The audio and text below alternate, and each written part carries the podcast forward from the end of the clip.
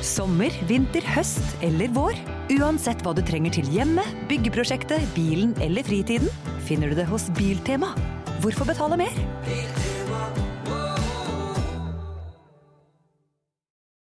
Dekodet. Så om vi innfører masse fungerende da, kunstig intelligens på norske sykehus, hva vil skje? Kommer vi liksom til å ansette færre leger? Eller kommer leger bare til å bli liksom kvalitetskontrollører?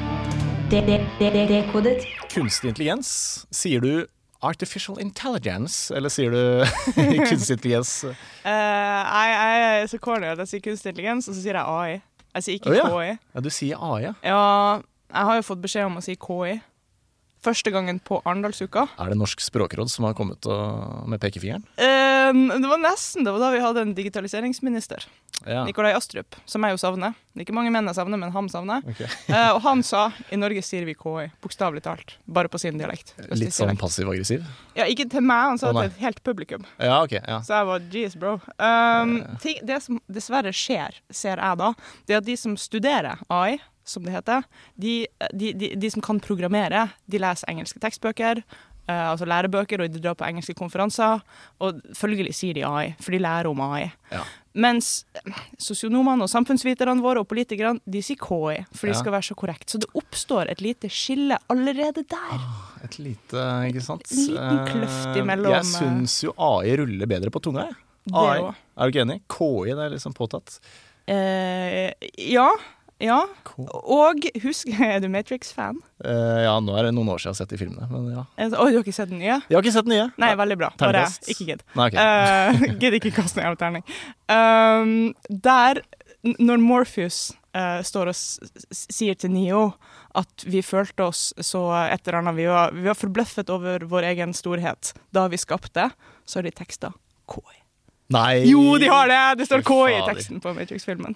Skuffende. Det er NRK, vet du. Nei, det er kanskje ikke det heller. Det er Eh, tekst som Matrix? Jeg vet ikke. sikkert en som jobber i NRK.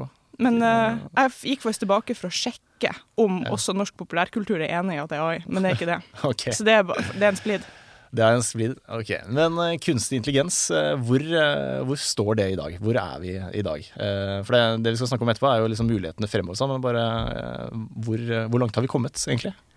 Vi har jo for første gang i historien kommet dit hvor det fungerer. Så det er litt stort. Ja. Kunstig intelligens fungerer faktisk til å gjøre ting i verden. Men snakker vi da fungerer Fordi hvis altså, kunstig intelligens på 90-tallet, så tror jeg man så for seg liksom eh, roboter. da, Menneskelignende roboter som kunne gå og snakke, hvis man sa kunstig intelligens. Mens i dag så tror jeg de fleste forbinder det med liksom maskinlæring, Mm. algoritmer som blir bedre og bedre, mer presise, målretta ads, YouTube-videoer som uh, Ja, du, sånn så kanskje forventningene endra seg litt. Grann. ja. Men naturlig språk var jo et sånn tidlig mål, særlig på 70-tallet. Da var det mye penger på forskning på naturlig språk. Uh, da brukte man ikke maskinlæring for å lære maskiner å snakke. Da programmerte man inn det, det vi kaller hardkoding. Programmerte man inn hva maskiner skal svare når. Så det ble sånne dype søketrær. Hvis mennesket sier det her, svar det her, og sånn. Så det ble sånn enorme regelsett, egentlig. Og uh, den første sånn snakkebotten uh, het Eliza. E-L-I-Z-A. Den er gøy, den kan man google, og så kan man gå og snakke med. Og det er en sånn, det er en sånn kjip uh, jeg håper å si, en kunstig psykolog som hvis du skriver 'har det kjipt', så sier den 'hvorfor har du det kjipt'? Så sier jeg 'fordi at dama slo på meg'. 'Hvorfor slo dama di opp på deg?' Sånn, du får veldig mye av din Ja. egen historie i retur, da. Um, men liksom den tanken om at vi skal putte kreativitet eh, og tankeevne inn, inn i en datamaskin, den har jo den, den har fantes siden 50-tallet. Så har man alltid tenkt at det var lettere eh, og kortere unna enn det viste seg å være da. ja, for vi er vel fortsatt ikke der at vi kan kalle datamaskinen for kreativ. Det blir sånn definisjonsspørsmål igjen, da, som er umulig, Mm. kanskje. Men eh, jeg vet ikke. Hva mener du? Kan en datamaskin være kreativ? Ja, Det er jo det definisjonsspørsmålet. Uh, om du skal være politiker, jeg skal svare på noe annet enn det du spør om. Uh, det, fin det finnes noe som heter the AI-effekt, og det er faktisk det det heter, som, som er den observasjonen at vi i det en datamaskin får til et, eller løser et problem som vi ikke forventa at det skulle klare, så Ja. sier vi 'å ja, men det er jo ikke intelligens'. Selv om vi kanskje ti år før hadde sagt at hvis maskinen får til det der, da er den intelligent. Sånn som sjakk. Vi har tenkt i mange hundre år at idet en maskin klarer å slå oss i sjakk, da må jo den skjønne liksom empati og tenke langsiktig og tenke strategi og i det hele tatt. Så idet en maskin slår oss i sjakk, Ja. så har vi laga intelligente maskiner. Ikke sant? For det var jo den der Deep Blue-maskinen på 90-tallet som slo Gary Kasparov. Eh, men det var jo kun ren regnekraft, da. Ja, ikke sant? da gjør du det. Ja, Ja. Men det var jo bare regnekraft. Det var jo bare regnekraft. Ja. Ja, men det var jo det. Eh, mens den der nye Alpha Zero, Ja. det er vel basert på kunstig intelligens. eh, hvor den analyserer jeg vet ikke akkurat hvordan det funker, men millioner av sjakkpartier hele tida. Og Nei, den ikke gjør. Det var det Deep Blue gjorde. Den, eh, den, den var en sånn okay. Bragd av en søkegreie. Hvordan å funka Alfa Zero da? Alfa Zero har spilt mot seg sjøl. Det, Zero ja, har ja, to personligheter. holdt å si. Det er det den Ja. gjør, ja. Dette Ja. jeg visste egentlig. Selvfølgelig. Skjønner. Det er det som kalles reinforcement learning. Ja. En HPC-agent, en, en, et, en, et maskinlæringsprogram da, starter uvitende, Ja. som to kopier, og så spiller den mot seg sjøl, mot hverandre, eh, og blir sånn bedre og bedre. Lærer seg sjøl. Det er uh, ganske fett. Det er ganske fett at det funker, ja. Ja. Uh, og, men det vi ender opp med, da, det er jo programmer som, uh, som vi ikke har instruert, som har lært seg ting sjøl. Så som vi da ikke liksom Ja. Altså, vi, vi kan jo se inn i dem, det er jo bare datamaskiner. Men vi, vi, vi skjønner ikke helt hva de har skjønt. liksom. Og det er det magiske med Alpha Zero. da, Det er den beste sjakkspilleren i universet, så vidt vi vet. Uh, Ja, det er jo Og den kan strategier som vi, som vi mennesker ikke har oppdaga. Den, den kan liksom mer om sjakken enn Ja. vi kan. Så vi har bare mata den med et sett med regler. Dette er reglene for sjakk. Og så vær så god, begynn å spille. Spill Ja. mot deg selv. Så har den bare blitt bedre og bedre og bedre. og bedre.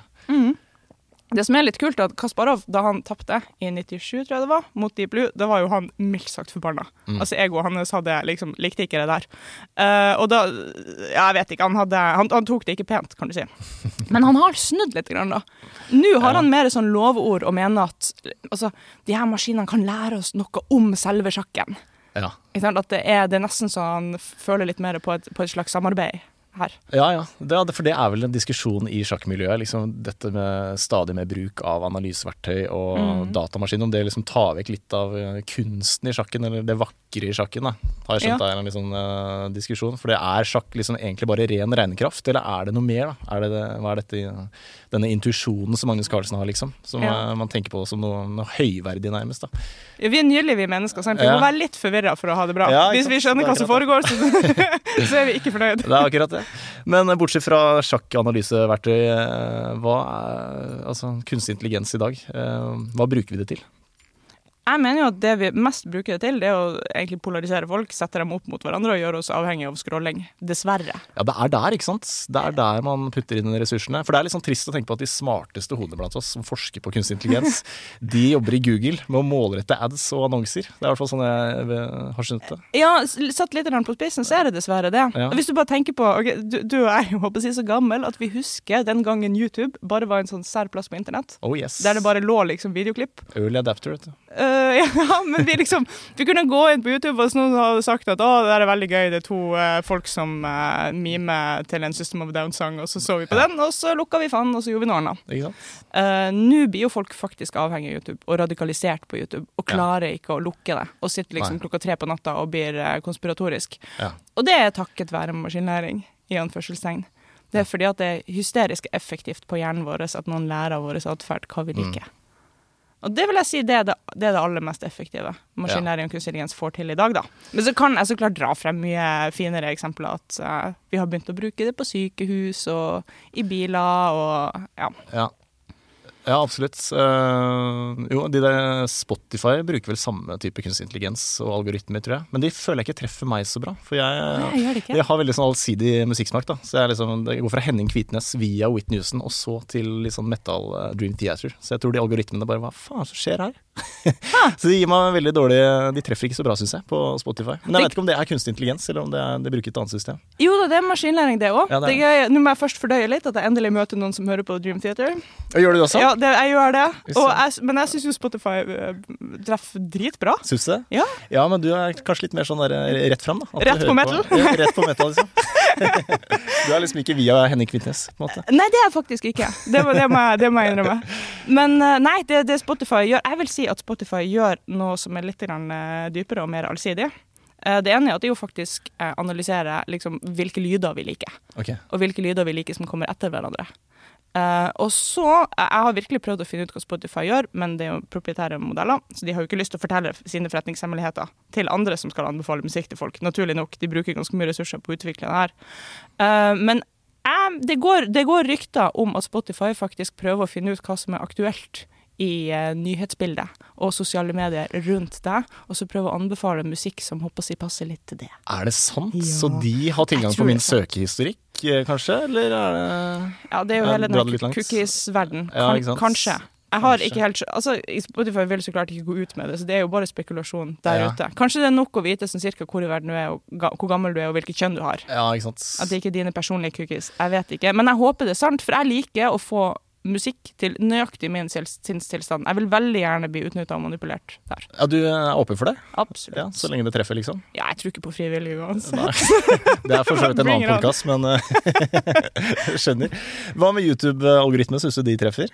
Eh, det gjør vel, siden Um, folk er så avhengige. Ja, det, ja, ikke sant. Det, de trenger ikke å treffe på meg for at jeg skal skjønne at de treffer. Liksom. Jeg henger ikke på YouTube, men jeg ser jo hva som skjer, dessverre. Og du, altså, du, du kan jo gjøre eksperimenter. Gå inn og se på øh, filmer som handler om uh, vegetarianism, og så Mm. får du veganism ganske fort foreslått. Så det er noe med at for å fenge vår oppmerksomhet, så må man alltid gi oss mer og mer ekstreme ting. Og det har modellene som kjører på YouTube, skjønt. Ja. Ikke for å være slem, Nei, men nei. fordi at formålet til YouTube er å Tjene penger. ja, altså det er å holde oss der lengst mulig. Ja. For jo lenger du er på YouTube, jo flere reklamer ser du på. Så sant, de belønner modellene når modellen klarer å holde deg der lenge. Og en bra måte å holde deg der lenge, det er å vise dem mer og mer ekstreme ting, for det pirrer nysgjerrigheten Det er hele akkurat tida. det, vet du. Hva tenker du om de der eksemplene så, altså, Hvis man snakker om en ting, da. Har besøk, og så har, kommer man inn på et samtaleemne. Det kan være hva som helst. Og så Mm. åpner man PC-en etterpå, og så får du en annen reklame som er akkurat det du snakket om, liksom. Ja. Er det tilfeldighet, eller er det noen som hører på oss? Ja, For jeg tror de har prøvd å gjenskape det uten å klare det. Eh, de har, ikke sant? Det er folk som har prøvd å gjenskape det, og så Ja. går det ikke. Så da må man si at teknologien vi har rundt oss, har jo evnen til å gjøre det. Vi lever jo sånn sett i 1984, bare frivillig. Altså telefonen kan, altså 1994, Orwell sin roman, Mm. ikke årstallet. Ja. Um, telefonen vår kan jo faktisk overvåke oss hele tida. Tenk hvor mange ganger du har hatt sex med telefonen i rommet. Ja, ikke sant? Mm, uff, uff, Skjerp meg. Og det er kamera foran og bak, Og og, det er mikrofon, og det er livestream én knapp unna. Ja, ikke sant? Man kan det, jo er gå på en creepy at, det er creepy at vi gjør det, men vi, vi har vent oss til det sakte og tenker at det er greit. Så tek, det kan tenkes at det her faktisk skjer.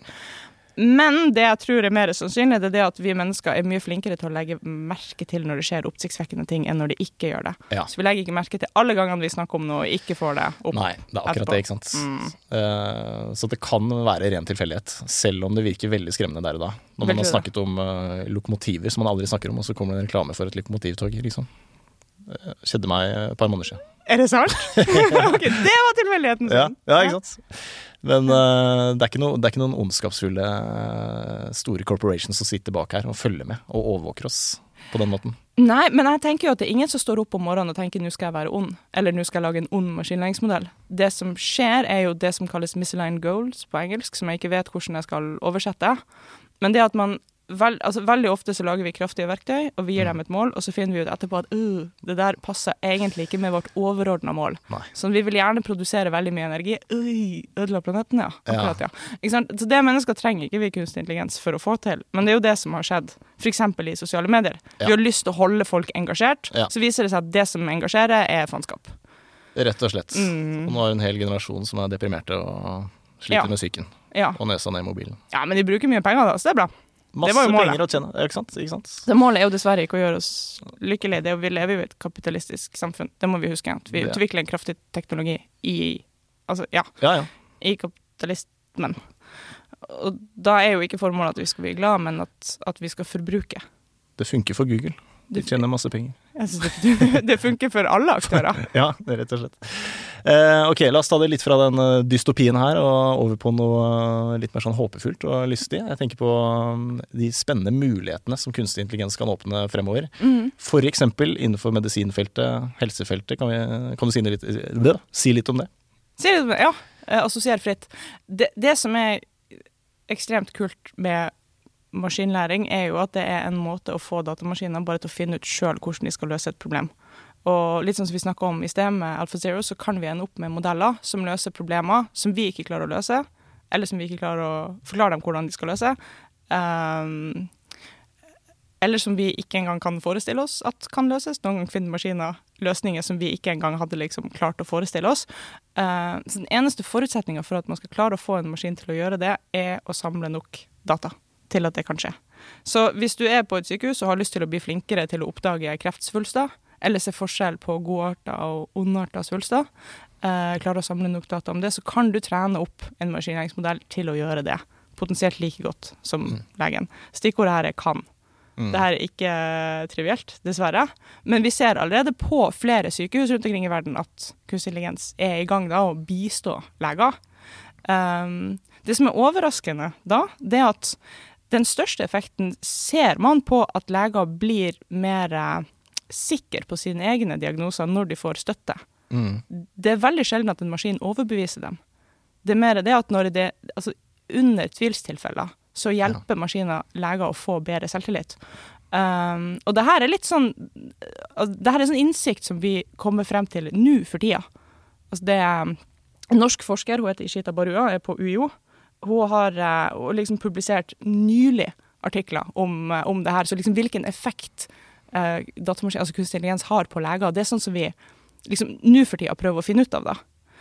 Um, det som òg er veldig interessant, det blir det teknisk. Nå må du bare stoppe meg hvis det blir for teknisk. Det at um, siden jeg samler inn 100 000 bilder av uh, svulster, uh, så får jeg en lege til å skrive på hver av dem om den er ondarta eller godarta.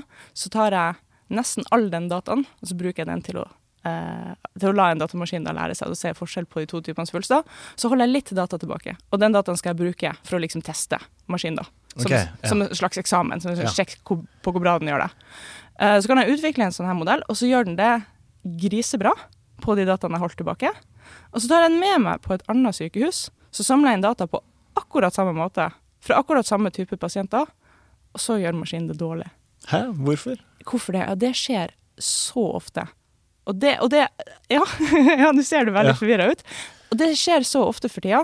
Det uh, den første typen studie som jeg nevnte, det her med si, eksamen på data jeg hadde samla inn fra før av, kalles retrospektive studier. Okay. Retrospekt, altså se tilbake. Ja. Kan se, se, på data jeg allerede hadde samla. Og den andre typen studier heter prospektive studier. Og de er veldig mye mer ressurskrevende å bare designe. Ja. For det er mer styr å gå og hente data to ganger, eller hente data fra et annet sykehus. Men det er gjort få prospektive studier eh, med kunstig intelligens, og nå begynner det å vise seg da at kunstig intelligens liksom ofte stryker ja. på de her prospektive studiene. Og det er en litt sånn rar nyhet, og det er liksom man prøver å finne ut hvorfor det. Ja, for hva er forskjellen på en prospektiv studie og en retrospektiv studie, hvis det var det du kalte det? Ja, yes. Eh, hva er forskjellen? Ja, hva er liksom Det kan hende at det er bitte små ting som endrer seg. At kameraet holdes litt annerledes, eller ja. pasientene ligger litt annerledes. Eller at det er bare en annen lege som tar bildene det, det, finnes sånne hysterisk teite eksempler liksom, fra at du har et verktøy som funker i en etasje og ikke i en annen etasje. Ja, ikke sant. og da tenker du, hvordan kan denne teknologien, som egentlig som noen ganger er smartere enn oss mennesker, også være liksom Ja, feile så hardt. Altså bare stokke dum, liksom. Ja, ja. Um, men jeg tenker at det er på grunn av den, den fundamentale forskjellen mellom oss mennesker og maskiner. For vi ja. mennesker vet hva vi skal hva vi skal legge merke til, og hva vi skal ignorere. Ja. Altså Om jeg kutter meg i fingeren, og så kommer venninna mi som har mørkere hud enn meg og har kutta meg i fingeren, så vil du vite at liksom, hudfargen har ingenting å si for uh, hvor farlig kuttet er. Sammen men for en datamaskin så, så, vil liksom forskjellen i hudfarge være den største forskjellen. Mm. På, på, på, fingrene våre, ikke nødvendigvis å si, kuttene mm. våre. Så det å liksom fortelle en maskin hva den skal legge merke til, og hvor ja. du skal fokusere, det er kjempevanskelig. Ja, ja, sånn, ja, ikke sant. Men eh, hva forteller det også at kunstig intelligens fortsatt har en lang vei å gå? Uh, ja, absolutt. Og at vi kanskje ikke er så langt fremme som vi trodde. Det er liksom Noen ting bare imponerer oss helt sinnssykt. Ja. Når, når, det funker, så funker det veldig bra. Ja. Men vi har, vi, vi har, fremdeles en lang vei å gå på robusthet. Ja, ikke sant. Da. For, for, mennesker veldig ofte Når du forklarer et menneske prinsipper, så klarer det å generalisere til andre situasjoner der de samme prinsippene gjelder. Det sliter kunstig intelligens med. Generalisering. Generalisering. Og så sjalte ut det som er irrelevant, og fokusere på det som faktisk eh, ja. har noe å si. da. Mm. Men hvis eh, på sikt så vil jo det her funke. Uh, må vi jo bare det. anta, på en måte. Ja, ja. Uh, og da vil jo det kanskje kunne revolusjonere mye, eh, skulle man tro. Ja. Det er interessant å tenke på hva forskjellene kommer til å bli. Sånn som I Norge har vi jo høy legetetthet. Tross, Mm. Det er greit vi har lange køer, men vi har mange leger per innbygger. Um, så om vi innfører masse fungerende da, kunstig intelligens på norsk, norske sykehus, hva vil skje? Kommer vi liksom til å ansette færre leger? Eller kommer leger bare til å bli liksom kvalitetskontrollører? Mm. Eller kommer vi til å få liksom fire leger og en AI som skal gi meninga si per pasient? Ja, Liksom, hvordan, hvordan håndterer vi det som samfunn? ja, ikke sant. Og i utlandet kommer du kanskje til å få valget mellom ingen behandling eller AI-behandling. Ja, Hvis, altså hvis, ja. ja. hvis det er færre leger per person eh, i et land. Um, så jeg håper jo at vi lever i den tida der vi kommer til å se hvordan samfunnet kommer til å håndtere Ja, liksom en ny arbeidskraft. Ja, ikke sant? For da får du igjen den diskusjonen og nei, robotene tar over jobbene våre, så hvordan skal dette gå og sånne ting. Men uh, i symbiose så må det jo oppstå noen spennende synergieffekter her, da. Altså AI sammen med legen. Ja. Hvis uh, en AI kan analysere si 1000 sånn CT-skanninger på, på ett minutt f.eks., som ville tatt en lege kanskje tre uker å gjøre, så er det ekstremt effektivt. Og hvis det i tillegg er presist, så frigjør man jo masse ressurser. Jeg bare ser, Det må jo bare være positivt, tenker jeg. Ja, det, det er artig. Hvis du tenker på aktørskapen i den setninga der. Roboten tar jobben vår. Mm. Liksom, roboter tar jo ingenting. Det er jo vi som Ja, ja. gir roboter jobb, i så fall. Så, men, men det er artig, vi, vi snakker om hva skjer Ja, hvis roboten kommer og tar. Det høres ut som roboten bare liksom dytter legen bort. Her skal jeg jobbe. Get away. Ja. Um, men altså, hvis du eh, skal, Det er ikke meninga å bare sitte her og heite på kapitalisme hele dagen, men hva skjer vanligvis når maskiner kan ta jobbene våre? Det oppstår nye jobber, gjør det ikke Eh. det? Eller uh... Jo, eh, jo eller Ja. Ja, jeg, ja jeg, faktisk, det var, det, var, det var ikke ment som et ledende spørsmål, det var ment okay. som et spørsmålsspørsmål. Ok. Altså, Ja. jeg vet faktisk, liksom, men hvis du ser tilbake i historien, så det som, det som skjer, er jo at vi lar, nei, vi lar bare maskinene gjøre jobben. Og så går menneskene og finner seg noe annet å gjøre. ja. Og så går utviklinga samtidig, og så oppstår kanskje ja, oppstår nye jobber. ja. Men det, det som ikke skjer, er jo at vi går og tar mer fri og leser flere bøker og skriver mer poesi. Ja, ja. Vi, men vi eh, fokuserer på Altså, vi tar andre typer jobber, da. Eh, robotene tar gjerne over de jobbene vi egentlig ikke har lyst til å gjøre. Type mekaniske, tunge jobber som ikke er bra for ryggen. Ja. Eh, opp gjennom historien, i hvert fall. Og så frigjør Ja. vi ressurser til å studere humanistiske fag. Kan man stille spørsmål hvor nyttig det er, da. Men eh, Ja, ja, men nytte er jo ikke det viktigste i verden, er det det? Men det, det er artig det du sier, at roboter tar de tunge mekaniske jobbene våre som ikke er bra for ryggen. Hvis en, hvis en robot nå overtar legen sin jobb, så er det jo ikke en tung mekanisk jobb. Da er det jo egentlig da, da er vi jo på en måte da, da er vi på en helt ny type jobb. Ja, det det, da tar roboter tenkinga og beslutninga ja, ikke sant. Det er der kunstig intelligens skiller seg kanskje fra annen type teknologi opp gjennom historien. da. For det er jo Ja. første gang, det er ikke bare roboter som tar over, det er intelligens som tar over. Og da kanskje, det er, da kan jeg skjønne at folk kan bli litt sånn redde, da. Ja, for da gir vi fra oss beslut... Altså, da slutter mennesket å være den primære beslutningstakeren. Akkurat det. Det hadde jo vært et megaskifte i historien, da. Ja, det er veldig sant. Men vi kan jo velge å si at eh, den roboten skal ikke få lov til å være beslutningstaker. Det skal vi gjøre sammen. Vi skal bli enige. Dus, AI og jeg. Ja, vi skal bli enige. Ja. Brukes som et supplement, liksom. Eh, Et verktøy. den her tanken, eller ja, det, det her oppsettet kalles human in the loop. At eh, roboten gjør, gjør jobben, og så skal mennesket dobbeltsjekke, kontrollere og så godkjenne beslutninga. Ja. Det vi ser, er jo at mennesker veldig fort tenker ja, han hadde rett sist, han sikkert rett nå. Ja, OK, OK, OK. ok. Ja, det er akkurat det. Vi mennesker er elendige kontrollører, da. Ja, ok.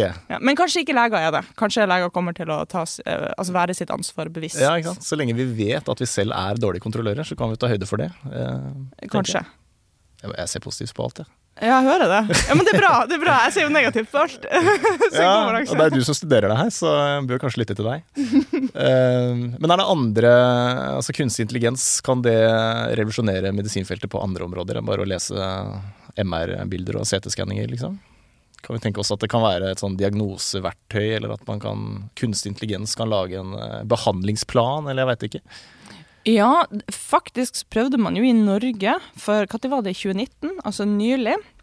Eller ikke bare prøvde, man laga på Universitetet i Agder og Sørlandet sykehus faktisk Um, de laga et system som kunne lese journaler. Så hvis noen uh, måtte hasteopereres, altså kom inn liksom på intensiven, hadde vært i en trafikkulykke eller noe, og man skulle operere dem, måtte legge dem i narkose, måtte finne ut hvilke allergier de hadde, så kunne denne, uh, det her systemet da forte seg å lese gjennom alle journalene til pasienten, finne ut om eventuelle allergier. Ja, Altså, og noe som liksom menneskelig kapasitet bare ikke hadde greid ikke eh, på så kort tid.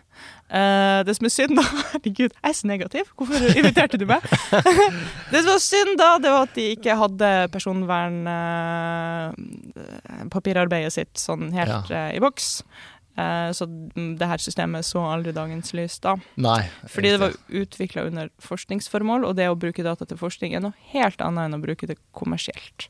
Det er et poeng, ja. Ja, og denne maskinlæringsmodellen, da, for å klare, som det systemet var, for å fortsette å fungere, så måtte det jo lese massevis av journaler. Journaler er mildt sagt sensitiv informasjon. Kjempestreng personvernregulert, som jeg er glad for. Mm. Jeg er glad for at ikke bare alle som skal gå og utvikle et eller annet gøy, kan få tak i journalen min. Mm. Så, men ja, det betydde jo da at de hadde vært nødt til å hente inn samtykke fra omtrent hele Norges befolkning til å få bruke journalene deres Ja, til å utvikle modellen. Og det er jo helt totalt urealistisk. Så da sa forskerne nei vel, da går vi og gjør noe annet. Og det hadde jeg òg gjort som forsker. Ja, riktig. Men det at, eh, det at AI har den evnen til å lese gjennom ekstremt store mengder data på kort tid, kan ikke det brukes til noe? Eh, For det er jo, det er jo sykt mye data der ute. Eh, Bare klassifisere og sortere og lage statistikk av det, da. Ja. Um, kan jo være nyttig. Jeg bare tenker høyt her, men uh... Den kuleste anvendelsen jeg vet om for det, det er astrofysiske data. Vi tar veldig mange bilder av himmelen vår. Det er veldig mye greier der ute som vi ikke har sjans, altså liksom med de astrofysikerne vi har der ute, til å faktisk se på. Uh, og da, kan, da finnes det masse forskjellige teknikker eh, der du kan få en sånn maskinlæringsalgoritme til å, til å se på og si hm, her er det noe som skiller seg ut, her er det noe rart. Denne stjerna ser ut som den er langt borte, men den er egentlig nært. Ja, Eller de her beveger seg annerledes enn de der. Um, så det kan hjelpe astrofysikerne til å vite hvor de må se nærmere. ja. Her, eh, og, og vi leter jo etter veldig mye der ute. Så det å få litt sånn hjelp til uh, dataanalyse, det er en helt fantastisk måte Ja. å bruke maskinlæring. Ja, det er dritspennende. Men det er vel der eh, AI på en måte har sitt fortrinn. At den kan analysere ekstrem, ekstreme mengder med data på svært kort tid. Det er jo det den er verdensmester på, føler jeg. Eh, Ja, mye større regnekapasitet enn vi har. Ja. Og så er det jo mye lettere å lage en datamaskin enn å lage et menneske. Og hvis du først har ett program som kan løse et problem, så kopierer du det jo bare over på flere datamaskiner. Men å lære opp en ny astrofysiker, det er mye jobb. Det De er, skal er, ha mat og De skal ha mat, omsorg, kjærlighet, trøst og motivasjon. Det, Ja, du må ha. Mm. HR-avdeling, det er jo masse jobb, ja. Eh, hva med Jo, en annen ting jeg syns er litt spennende, uh, hvis jeg kan hoppe nå. Uh, Ja, ja, ja. Eh, krigføring i uh, framtida. Ja. Eh, ja, skummelt også. I hvert fall når Ja. du sier liksom autonome droner og krigføring i sammensetning. Da får jeg litt sånn, oh, da grøsser det litt nedover ryggen min. ja, det gjør det. På den Da annen side så har vi jo allerede såpass mye atomkjernevåpen at vi har muligheten til å utrydde jordas befolkning syv ganger, hvis jeg ikke tar helt feil. Et eller annet sånt. Så vi har jo allerede muligheten til å fucke det skikkelig opp for oss selv. Så Ja, det er utrolig at vi er her. Faktisk. Skål. Egentlig. Um, ja, det, det, som, det som er trist, da, det er at vi kan jo faktisk nå, vi to, uh, gå på internett og bestille det vi trenger for å lage en, eh, en drone med ansiktsgjenkjenningsprogramvare på, og så sender den ut og skyter noen vi ikke liker. Er det sant? Ja, det er sant. På det mørke nettet, så Det, det, det kan være det lyse nettet, det med HTML og sånn. Eh, eller HTML er det vel på markedet òg. Det som er indeksert, i alle fall. Okay. Uh, det nettet vi bruker hver dag. HTML. Um, ja da, der kan vi, vi, vi finner bilder av den du ikke liker. Så kan vi trene opp en liten modell. Den kan jeg kode ned for oss. Droner får vi jo lett tak i i Norge også. Mm. Og så, ja Litt grann komponenter til å bare skyte ut noe bil eller et eller annet som er lov å ha i Norge. Mm. Så er vi der. Så teknologien for å lage å si, intelligente våpen, den er meget tilgjengelig, og i noen deler av verden så er det her bestillingsvare. faen så ekkelt å tenke på. Det Mm. var er så ekkelt å tenke på. Ja. Det var ikke klar over. Nei, men de, de er i hvert fall ikke så, så små at du ikke ser dem og sånn, ennå. Det er ikke helt Dark Mirror. Behandles. Nei, det er akkurat det. Men hvis man, eh, hvis man vil drepe noen, da, så er det også mulig å få tak i et våpen i dag og gjøre jobben. Uh, Altså, du kan drepe folk med en stein, ja, du kan liksom. drepe så folk med stein også. Så teknologien har vært der lenge på den måten. Ja. Men da kan du gjøre det anonymt, da. Det er kanskje enda mer ekkel. Jeg vet ikke. Ja, det er det at vi får anledningen. Det blir liksom mer og mer spennende. Ja. Så det jo, men det er jo bare som Spiderman uh, sa. Med stor makt kommer stort ansvar. Det var han som hadde den kvoten her? Spiderman? Ja, ikke det With helt fantastisk? With great power comes great responsibility. Er det Ja. Spiderman? Det er Spiderman, det var ikke en trodde det var en av presidentene i USA eller eller en filosof. Okay, Det kan jo hende de lånte den av Spiderman, som gjorde det først. Jeg har sjekka, for jeg bruker det ofte i foredrag. Ja, ja, nei, jeg tror det. Jeg bare visste ikke at det var han. Ja. Så, um, ok. Ja, men eh, nei, ekkelt med autonome. Og så har jeg hørt om sånne der autonome eh, selvmordsdroner også. Ikke sant? Du bare trykker på en knapp, skyter dem av gårde, og så gjør Og de så jobben sin. finner de et eller annet varmt, eller eh, De brukes vel i Ukraina nå? Gjør de det? ikke? Ganske sikker på at de har blitt tatt i bruk, eller skal bli tatt i bruk. At de har blitt levert til Ukraina. Og på en eller annen måte så finner de ut at det er russere de tar selvmord over, Okay. og ikke ukrainske soldater. Nei, så det er ukrainerne som har uh, Som får, får dem, ja. Som får de, ja. Ja, Nå blir du litt glad, ikke sant? Vi skal ikke bli glad når folk dør. Nei, uh, nei, nei, nei, vi, vi har liksom valgt side, ja. Vi har jo det. Um, Det har vi nok, ja. Men uh, Det som er interessant, er at det kom ut to rapporter, jeg tror det var sent i 2021, om ikke tidlig i 2020, om etiske dilemmaer i den norske forsvarssektoren. Den ene het bokstavelig talt bare det, etiske dilemmaer i forsvarssektoren. Og den andre het noe sånn sinnssykt kult, noe sånn Algor Ethics, The Emerging Battle Space, eller noe sånt. Men uh, skrevet av liksom norske forskningsinstitusjoner. Um, og ja, det er vel kanskje der det kule stopper. Eh, fordi at det norske forsvaret ingen forsvar, liksom. mm, Uh, forteller oss jo om hva de driver med. Så det står ikke noe sånn juicy i de rapportene. Okay. Men bare det at det bestilles sånne rapporter, og vi, vi tenker Ja. på hva algoritmer uh, har å si for forsvar og krigføring, og, og, og hvilke, hvilken etikk som vil gjelde i digital krig, det forteller oss jo at ting er på gang. Ja, ok. Ja. Skummelt og interessant. Uh, ja, interessant. Og så kan du tenke at det måtte jo nødvendigvis skje. Så egentlig er det bra hvis det kommer ut i samfunnsdebatten, Ja. og vi begynner å tenke over at det skjer. Ha. For jeg tenker uansett hva grusomme ting du klarer å forestille deg, så har minimum det amerikanske forsvaret allerede tenkt på det i ti år. Ja, det vil jeg tro. Ikke sant? Eh, men når det kommer til uh, Ukraina-krigen, da, eh, så syns jeg det er litt sånn overraskende å se altså Hvis du hadde spurt meg for et halvt år siden for eksempel, da, og sagt at om et halvt år så kommer Putin til å invadere Ukraina, hvordan ser du for deg at den krigen kommer til å se ut? Så tror jeg jeg hadde sett for meg noe annet enn de bildene som har blitt vist eh, på TV. Og de bilene som punkterer. Og, Ja, ikke sant? Gamle pansrede kjøretøy som punkterer, og gamle tanks fra 90-tallet, og Molotov-cocktails i 2022. Jeg eh, hadde kanskje sett for meg Jeg vet ikke hva jeg hadde sett for meg, men kanskje Ikke det. litt, Ikke det. Kanskje litt mer type moderne krigføring. Men Det er et godt eh, poeng. Ja, Hvis du hadde tatt på sånn svart-hvitt-filter, så kunne det jo nesten vært bilder fra andre verdenskrig. Bortsett fra militæruniformene. Det er faktisk et kjempegodt poeng. Ja, ta på et lite filter, så ser det ut som det er kjempelenge siden. Ja, rett og slett. Det er jo litt gode nyheter, er det jo? Altså Ja. at, vi, at vi tross alt ikke har rusta opp og modernisert så sinnssykt. Um, litt interessante nyheter, fordi at jeg tror Putin trodde at det sto bedre til enn det gjorde, så det forteller oss hvor håper jeg, si, effektivt på en dårlig måte um, Å, hva er ordet når du betaler noen for å fortelle deg det du vil? Bestikket. Bestikke? Eh, Ja. Korrupsjon. Korrupsjon, ja! Hvor effektivt på en dårlig måte korrupsjonen er. Jeg, Ja. tror, jeg, jeg tror alle sammen, bortsett fra han som skulle skifte de dekkene, trodde at det sto bra til med dekkene. Ja, ikke sant. Så jeg tror korrupsjonen stikker mye dypere enn uh, en en, enn- enn vi hadde forventa, og enn Ja. Putin hadde forventa. Ja. Um, og så til slutt tenker jeg det er skummelt, fordi jeg lurer på hvor nært fingeren hans faktisk er den røde knappen. Nå, Ja. Når, han, når egoet hans virkelig får kjørt seg. Ja, og det får jo kjørt seg. Han er jo åpenbart en, eller vanskelig å fjerndiagnostisere, men han er eh, syk i hodet. Det kan vi slå fast. Jeg vet ikke. Uff. Uff. Men eh, spørsmålet er om han eh, ikke sant? Det er jo ikke bare Hvis han bestemmer seg for å trykke på den knappen Eller Ja. det er vel kanskje en koffert med nøkkel, jeg vet ikke helt hvordan det funker. Og om de har sikkerhetsmekanismer på plass. Ja, det må jo være flere ledd her. Det må jo være flere personer involvert fra han eventuelt tar en sånn avgjørelse til det skytes opp en missil. Da. Jeg håper det.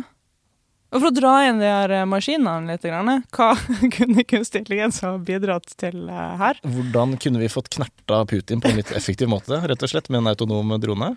Eh, Ja. Er sånn, eh, jeg kan jo ingenting om det her, men eh, sånn, jeg skulle se, kunne sett for meg at det hadde gått an på en eller annen måte. det akkurat der tror jeg faktisk fremdeles at mennesker hadde leda. Det vet jeg ikke, det blir jo ren spekulasjon da. Men jeg tenker at hvis du skulle ha knerta en verdensleder, da måtte du ha vært vanvittig tilpasningsdyktig. Ja. Da måtte du ha klart å tilpasse deg ca. enhver som helst situasjon og hatt veldig bra pokerface. Der tror jeg ikke maskiner er. Nei. Da måtte du ha vært liksom smart. Ja, det er akkurat det. uh, og så er det jo det, det som er skummelt, da, er hvis det utløser en eller annen kommando. ikke sant? Hvis det er noe sånt Mhm. idet Putin blir knerta, så utløser det en kommando om at da, Da, da skyter nestlederen opp en uh, type missil over Atlanterhavet. Jeg vet ikke, men uh, Ja.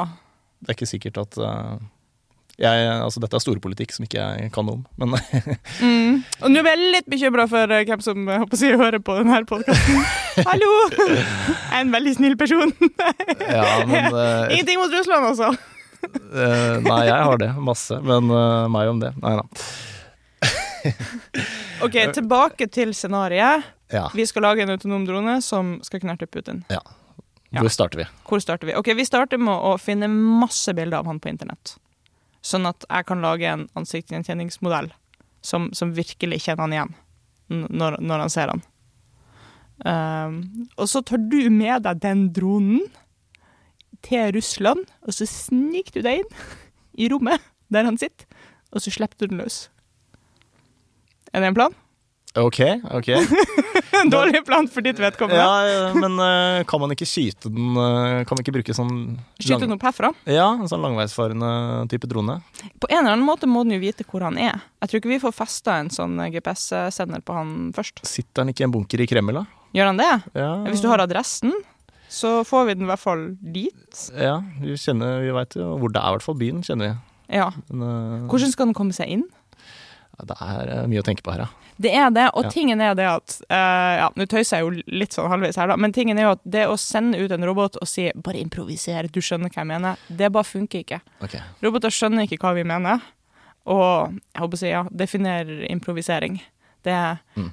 å, å gjøre ting som de ikke er programmert for, eller, eller uh, op operere i situasjoner de ikke har sett lignende til før, det er maskiner kjempedårlige til. Selv eh, om vi bruker kunstig intelligens. Eh, Ja. Ja. ja. Nei, men kanskje vi skal legge den planen død. Kanskje det.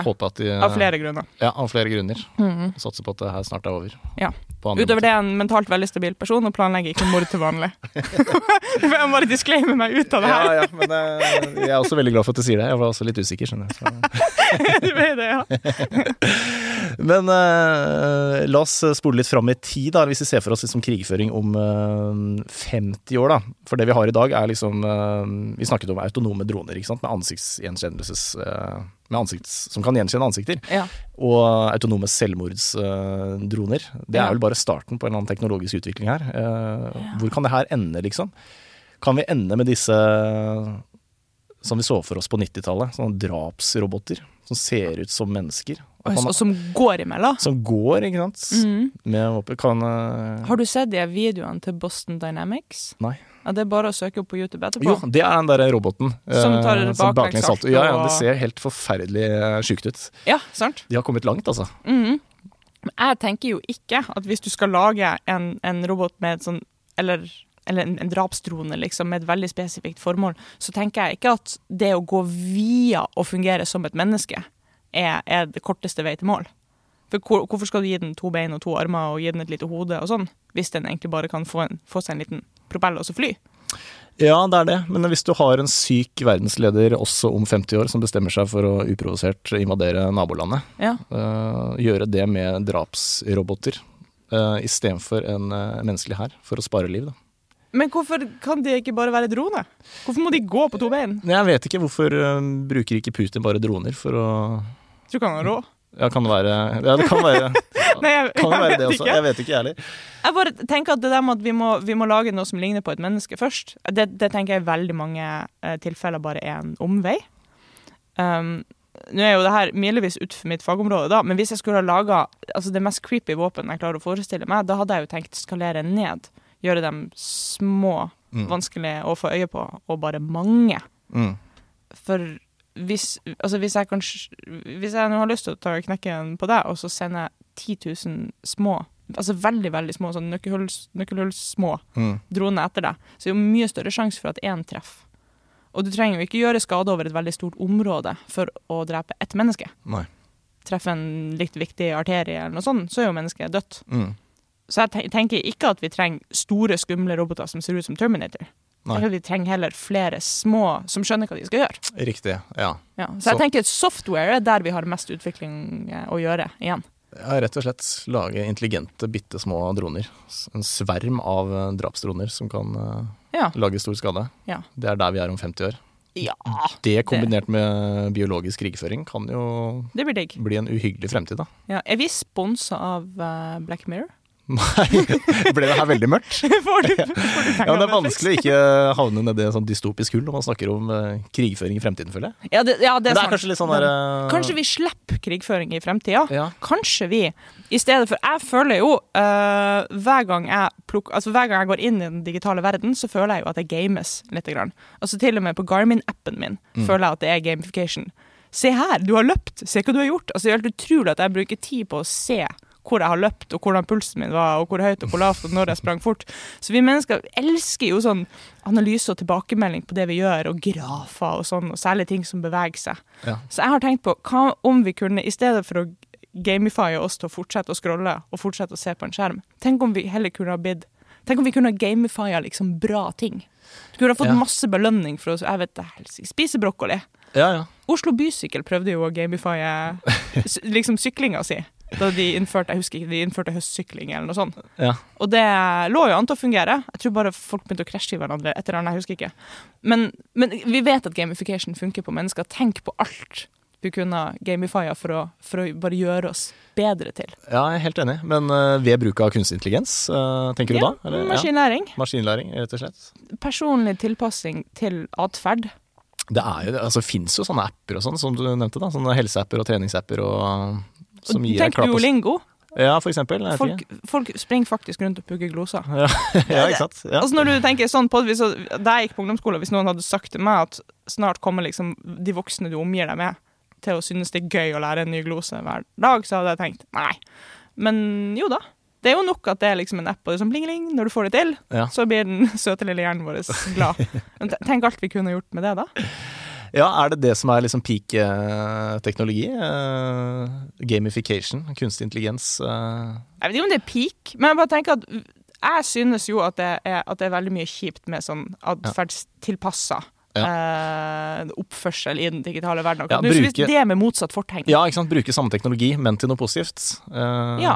Eller i stedet for å liksom fôre deg Altså i stedet for å gi deg ditt personlige lille ekkokammer på internett Ja. Og bekrefte kun dine meninger, hva med å gi deg nyheter som er med på å moderere dine meninger? Hva har du tenkt på det her? Hæ? Var ikke det interessant? Men det er jo litt større bevissthet rundt det i Silicon Valley, har jeg skjønt, og blant de store tech-gigantene. De det er mange som hopper av og stiller opp i intervjuer og sier Mm. det her var helt sjukt at vi var med på, vi har skapt et monster, på en måte. Dette må vi snu. Uh... Ja, så er det litt synd at vi mennesker alltid må se oss tilbake og tenke nei, Ja. har vi gjort det der? Ja, ikke sant. Så, kanskje det her vi er drar det det alltid for langt, enten det er klimaendringer eller, eller hva som helst. Da. Men Ikke sant? Tenk om her er tidspunktet der vi kan si hva skal vi gjøre nå? Hva bra skal vi gjøre fremover? April 2022. Ja, nå går startskuddet. Nå går startskuddet, er her det starter. uh, men hva er det, hvis du skal ta på deg optimistbrillene, da. For Ja. det ble jo veldig mørkt når vi snakket om krig og sånn. Du er jo akkurat kjempeoptimistisk. Uh, Jeg ja, ja. opp halve optimistkvota mi nå. Ja, men jeg vil ha mer, skjønner du. For jeg sank, sank helt sammen her.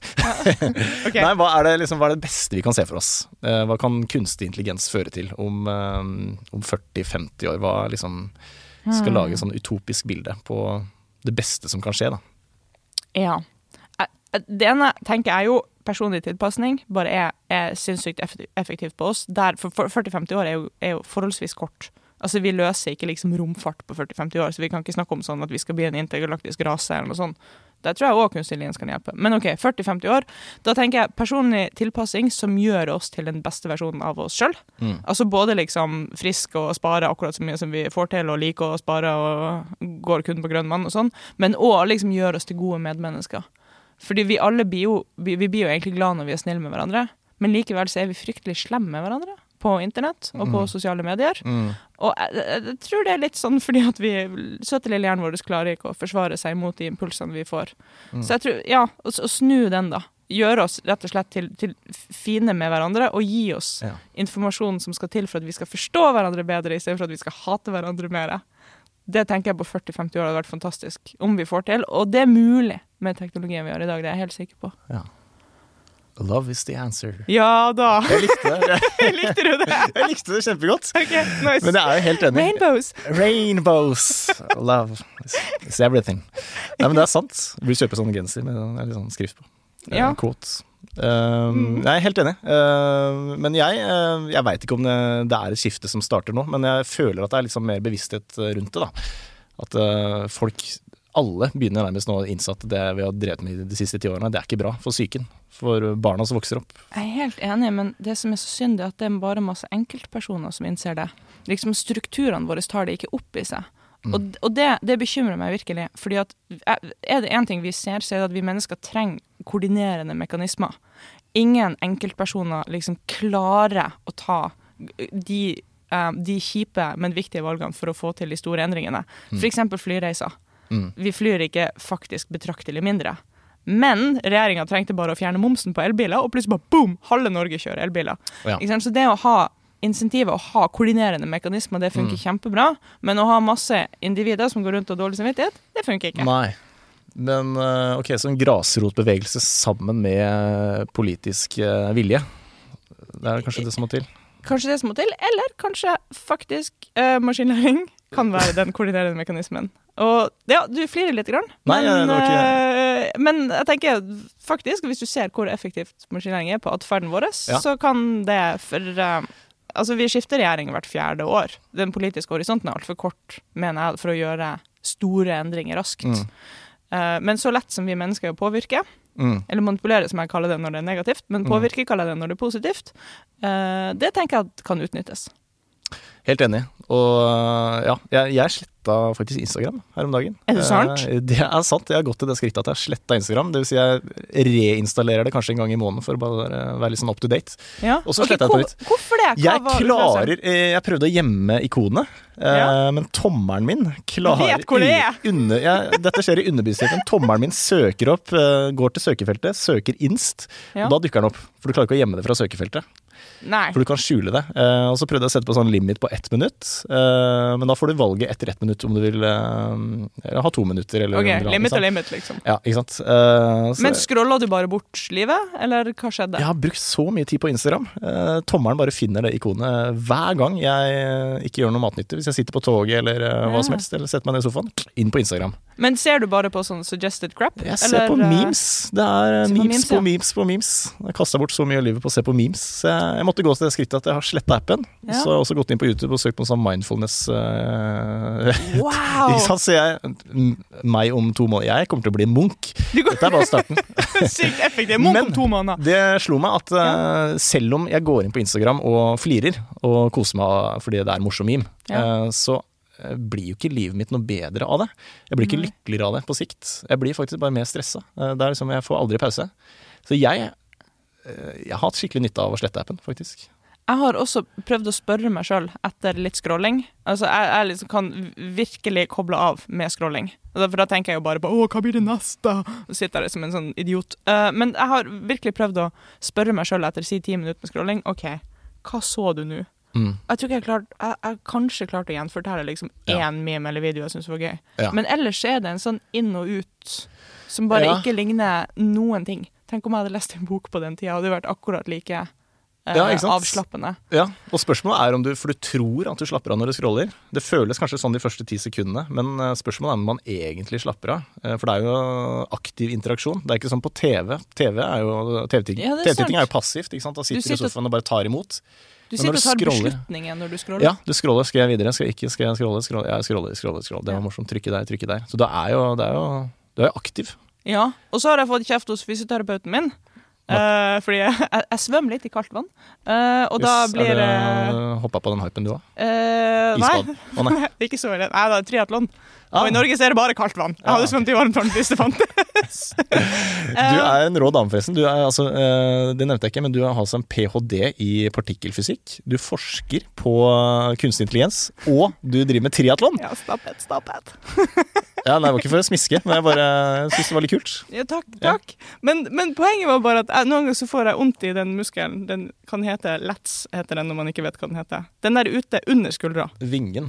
Den, de som løfter vekter, kaller den vingen. Ja. Ja. Den får jeg vondt i. Og man får enda mer vondt når man sitter og scroller. Viser det seg at den, der, den måten å holde telefonen sånn halvt sånn, sånn halvveis opp med armen foran seg, er noe skikkelig dritt. Ja. Ja, Så derfor burde ikke jeg scrolle på Instagram. Så kanskje jeg også skal slette appen, så får jeg litt mindre vondt i der. ja, ok. Og det er, det er det som er grunnen, ikke fordi du kaster bort livet ditt på, på scrolling. Uh, um, nei, jeg kaster sikkert også bort livet mitt på scrolling, og så har jeg bare ikke lyst til å innrømme at den teknologien som jeg tross alt forsker på, også har grepet om meg. Ah, du har innsett det innerst inne, altså. Men bare innerst inne, ikke ytterst utpå. Og så kler det jo ikke en, eh, en som forsker på kunstig intelligens å går rundt med sånn der dum telefon fra 90-tallet. Du må jo være litt up to date på teknologi, tenker jeg. Faktisk visste du at barna til folk i Silicon Valley bruker, og veldig mange også i Silicon Valley, bruker de gammeldagse klappetelefonene. At Silicon Valley er blant de største markedene i verden for teite klappetelefoner. Det skremmer meg litt. Og når du ser Mark Zuckerberg teiper over webkamera på Mac-en sin, Mm. da tenker jeg at det, da gjorde jeg det òg. Ja, og uh, rådgiverne til Max, Mark Zuckerberg også anbefalte han å slette Facebook-historien sin en gang i måneden eller noe sånt. For ja. at det vil han ikke Nei. at skal finnes der ute på internett. Nei, ikke sant. For Da det- fikk jeg også litt sånn eh, Nei da, tenker du Ja. ikke på meg? Nei, men kan, man kan ikke slette Facebook-historien sin. Den er jo lagra for alltid. Eller han kan kanskje det, da. Han kan kanskje det, ja. Han uh, kan kanskje det. Du, apropos Zuckerberg, det derre metaverset hans. Ja, er du gira? Nei, ikke i det hele tatt. Er du ikke gira? Jeg så Er vi for gammel? Ja, det kan. Hvor gammel er det? Ja, Eh, 88 her. 88 der, 89 her. Ja. Skål for det. Skål. Bra årgang. Eh, men jeg, eh, jeg så jo den der eh, pitchen hans, metaverset som skal liksom revolusjonere eh, fremtiden. Ja, Hvordan var den? Jeg satt igjen med absolutt ingenting og tenkte hva faen er det her for noe bullshit? Og nå høres jeg ut som jeg er 70 år, da. Ja, ja, det er det vi gjør, nemlig. Ja, ikke Ja. sant? Det, det, nei, det er unaturlig Ja. på internett. Nei, men jeg bare klarer ikke å se nytteverdien av det der, eh, dumme metaverset til Mark Zuckerberg. Fordi, okay, Men for det skal første, det være nyttig, da? eh, ja, eh, han fremstiller seg som noe nyttig, noe som skal på en måte revolusjonere måten vi interagerer med hverandre på. At dette er noe Jeg føler at hele ideen er basert på et falskt premiss. da. Premisset om at vi heller vil tilbringe tid i et virtuelt eh, univers enn i virkeligheten. Og det tenker jeg det gjelder hvis du er, hvis du er en litt sånn introvert programmerer. Så er det kanskje en drømmesituasjon. Og det er mange av de. Men det er jo mange som ikke er det også. Eh, Som mener at virkeligheten er bedre enn ja, jeg tror kanskje majoriteten heller trives i det virkelige liv enn i, enn i virtuell virkelighet. da. Med VR-briller på, hvor du går rundt med en avatar. ikke sant? Ja. Det han tenker på er at vi, vi kunne gjort det her, spilt inn den podkasten her. Du kunne sitte i Trondheim, jeg kunne sitte hjemme, så hadde vi tatt på oss VR-briller. Og så hadde vi hatt hver vår avatar. Og så hadde det føltes som om vi var i samme rom. Ikke sant? Ja. Så hadde sluppet, du hadde sluppet å ta et fly hit, og nå skulle du hit uansett, da. Men eh, du hadde sluppet det. Men er det bedre? Ja, men er det, eh, altså, det er jo et ledende spørsmål. Altså, nei, det er ikke bedre. Men er det bare fordi at Mark ikke har hatt nok tid til å utvikle teknologi? Hvis det hadde vært like bra, hva da? Ja. Uh... Tenk om vi kunne leve i en simulering som var like bra som virkeligheten. ja, det Eller er det han bedre. mener. Han mener at det blir bedre, da. Det, han mener det blir bedre enn vi kan jo lage omgivelsene akkurat. Vi kunne jo sitte på toppen av Mount Everest og gjort den podkasten her med en sinnssyk utsikt, på en måte. Ja. Jeg lurer Eh. på om det er mulig. Jeg tror kanskje ikke vi har ressursene til å gjøre det mulig. Men eh, tilbake til Matrix, da. Ja, Tenk, eh, hadde ikke det vært noe? Bare ligge der og produsere strøm og ja, men, ja, men har du tro på det? Fordi jeg tenker når de skal pøse inn så enormt mye ressurser og penger på det her, og Mhm. dette her tar visst mange år å bygge opp, da, 10-20 år, eller snakker du om, liksom. Ja. Men er det det som er peak teknologi i, i 2040? At vi er inne i et metavers med VR-briller og går rundt der? Ha. Bare, det appellerte ikke til meg i det hele tatt. Nei, jeg hører det. Og jeg, jeg merker at jeg er litt sånn småblank nå, fordi at jeg ikke klarer uh, å sette meg inn i den hypotetiske situasjonen der det funker. Nei. For jeg tenker, det blir ikke å funke, det blir ikke å funke om 20 år heller. Men hvis det hadde funka, det er jo det du spør om, Mm. hvis det hadde vært overbevisende, hadde jeg hatt lyst til å leve inni der. Og det eneste jeg klarer da, som du nevnte det jo, jeg er jo fysiker i bunnen, det eneste jeg klarer å se her av potensialet, det er, tenk jeg kunne ha gått inn i en simulert virkelighet på liksom kvantenivå. Jeg kunne ha prøvd Ja, virkeligheten som kvant. Og liksom, hvordan er det når kvantemekaniske effekter dominerer? Kunne ha dratt til en annen galakse og sett simulering av sorte hull. Jeg er rett der. Ja, jeg, ok, men jeg har ikke lyst til å hva, besøke da- naboen Nei. min. Boring! Liksom. Ikke liker jeg naboen heller, så Nei. Um, vet du hva, det hadde jeg ikke tenkt på. Eh, men når du sier er på den hvis- ikke sant? sant? Ja, ja. Ut i verdensrommet. uh, Ja. Til et svart hull. Da begynner vi å snakke.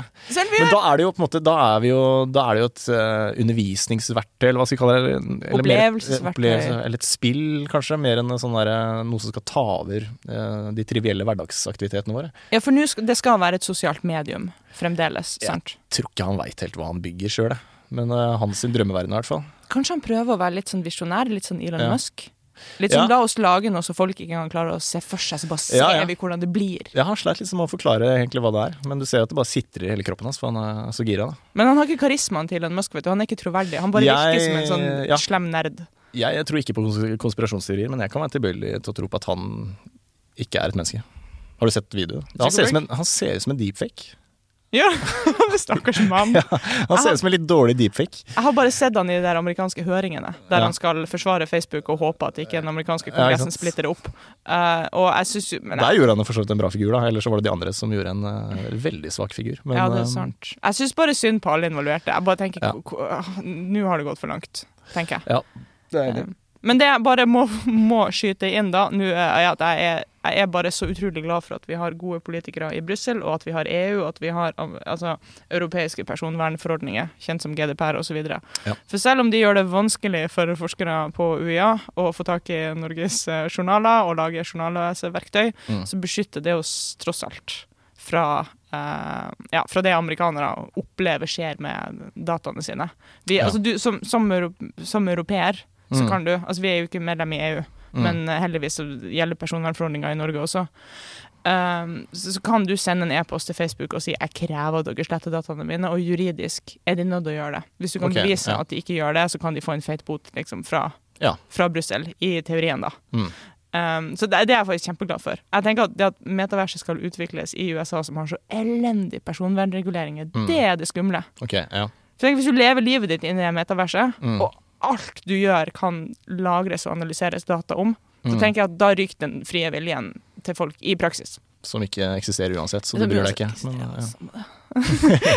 Nei, Nei, men- det er et godt poeng. Tenk, Eh, tenk hvis liksom data om absolutt alt du gjør, Mm. kan analyseres. Altså Ja. liksom hva du har fobier for. Ja. Hva, som liksom gir deg tics og rykninger, hva som gjør deg stressa. Altså ting som Ja. du sjøl ikke engang merker. Ja, jeg tror det er det han sier i den der eh, pitchevideoen sin, si, den eh, presentasjonsvideoen, at eh, personvernet er noe som må bygges inn fra starten. Men det er bare en sånn en bisetning, ikke sant, han sier, for å ha sagt det. Ja, ja, we need to build ethics into AI. Hold kjeft, OK? Kjeften din, din robot. ja. Ja. Mm, ja, ja, han setter nok personvernet høyt. Absolutt. Ja. Visste du at um, Facebook før så publiserte de fremdeles forskning, så forskning-forskning, sånn som jeg driver med, og i 2018 så publiserte de en forskningsartikkel som viste det at data om din scrollehastighet og eh, altså hva du klikker på, og liksom bare litt sånn hvordan type språk du bruker i statuser du skriver, hvor ofte du skriver en status, men sletter den istedenfor å poste den, osv., kan brukes til å finne ut at du er deprimert tre måneder før det kan påvises klinisk. Det er sjukt. Det er helt sinnssykt. Så før- er så sjukt. Så før du, kjæresten din, psykologen din har sjanse til å finne det ut, så vet Facebook det, egentlig. Og det er ikke basert på person, eh, personvernbeskytta data. Ha. Fordi hvor fort du scroller, kan ikke brukes til å identifisere deg som person, Nei. så det er ikke beskytta av personvern. Så altså, Facebook kan Shit. virkelig Ja, så Mm. forsikringsselskapet kan jo få tak i denne informasjonen her, ikke sant, og nekte deg ja, den er bare å selge. Altså, de kan eh, muligens ikke knytte det til deg som person, for da, da blir det plutselig personvernbeskytta. Men i teorien, så De kan bruke det til å bare selge deg liksom, greier som deprimerte mennesker er svak for. Hvis Ja. de finner ut at du er manisk depressiv og i en manisk fase, så kan Ja. de utnytte det til å finne ut at eh, Mm. du er veldig spontan. Altså, Vel, uten ja. å bli for konspiratorisk, hvor overvåka er vi egentlig? Helt Ja, ekstremt. mer enn vi er klar over. Ja, ja, ja, hallais. Ja, ja. Nei, men jeg vet jo at vi går rundt med et overvåkningsverktøy i lomma, liksom. Med Ja. kamera foran og bak og mikrofon. Men, øh, men i praksis, liksom. Hvor, hvor overvåka er vi? Ja, jeg vil jo ikke engang kalle det overvåkning. Jeg vil jo mer si hvor mye kaster vi rundt oss informasjon om Ja. hva vi føler og hvor vi er og hvorfor eh. I dag så slo det meg hvor genialt det var av Starbucks eh, å spørre om navnet vårt for å skrive det på koppene. Det hadde jo ingenting med det å gjøre at de skulle gi kaffen til rett person. Det er jo bare å skrike ut hvilken kaffe det var. Du husker jo hva du bestilte. Det var jo for at folk skulle ta bilde av kaffen. Ja. PR-stunt. Det er. Triks. Det er så genialt. Så Ja. vi er så jævla lett å lure. Ja. Og det er jo, altså, jeg, mobilen min trenger ikke å overvåke meg. Så Tete skriver jo på Instagram 'nå er på vei dit'. så liksom, vi trenger ikke overvåkning, liksom. Nei, det ja, vi gjør det sjøl med et sånn eksponeringsbehov som er fantastisk. Ja. Men øh, gjør du deg nervøs, eller øh, tenker du mye på det? Eller øh, er du litt mer sånn carefree? ja, hva hvis de vet ting om meg? Hva, hva så, liksom? Altså, Jeg vet jo at jeg er rik og privilegert og bor i Europa da. ikke sant? Jeg er så godt beskytta at jeg ikke måtte på. Jeg lever ikke i en autoritær stat. Så jeg får jo bare mer tilpassa produkter og Mm. musikken jeg liker. Så jeg er jo på liksom the winning end av Mm. det her spillet. Eh, Hadde jeg levd i USA eller i Kina, Mm. eh, så hadde så hadde jeg nok følt meg helt annerledes. Ja, eh, ikke sant. Uh, hvor de har sånn sosialt poengsystem. Uh, Ja. Jeg kjenner ikke helt til det, men et eller annet sånt er det ikke det? Jo da, absolutt. Du, du, får, du får rett og slett poeng. så Social credit scoring Social heter det jo. scoring. Så du får minuspoeng hvis du går på rød mann, og plusspoeng hvis du Jeg vet ikke. Men du, ja, du får rett og slett poeng for atferd. Det som er gøy, det er at det er, det er faktisk helt Vi snakka om den insentiveringa og koordinerende mekanismer tidligere. Det er faktisk helt hysterisk effektivt for å lage gode samfunn. Lage samfunn der alle sammen bare oppfører seg sånn som vi egentlig er enige om at vi bør. Det er en veldig bra måte å få ned kriminalitet Ja. på. Men det koster, da. Det har en kostnad. ja, Et social credits-system. Nei, bare følelsen av at Big Brother eh, ser på alt du gjør. Og det er, du mister frihet, da. Ja, men Vi ble jo akkurat enige om at vi uansett allerede har plassert oss selv i et sånt system. Ja, eh, det kan du si, men ikke så ekstremt som det er i Kina. Eh, hvor det får reelle implikasjoner og konsekvenser hvis du, gjør, eh, hvis du bryter loven på en eller annen måte. Da. Hvor du aldri kan få et huslån igjen, eller nå veit jeg ikke hvordan det funker i praksis. da. Nei. Men Men- at en, eh, jeg vet ikke, en hel befolkning som går rundt med høye skuldre og tripper rundt for å ikke gjøre Big Brother sur, liksom. Ting er at Mange kinesere ser ikke sånn på det. De har veldig lave skuldre, de føler seg tryggere, og de tenker jeg får jo belønning for alt det bra jeg gjør. Hadde det ikke vært digg å få penger hver gang du spiser brokkoli istedenfor sjokkis? Ja, da heller jeg mot the land of the free, altså. Du gjør det? Uncle Sam. Jeg, eh, ja, frihet står eh, sterkt for meg, altså. Men vi er jo dårlige på å være frie, da. Da blir vi jo kriminelle og kjipe, og så lyver vi, og så stjeler vi fra hverandre, og så røyker vi. Ja, det er medaljens uh, bakside, men de aller fleste klarer å oppføre seg, da.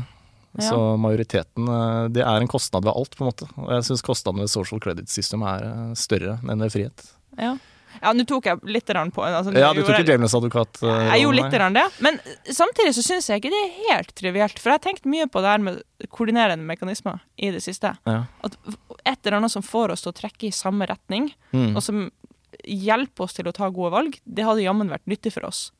Eh, Men kunne man belønna god atferd uten å straffe dårlig atferd? Eller det blir jo social credit system, det òg.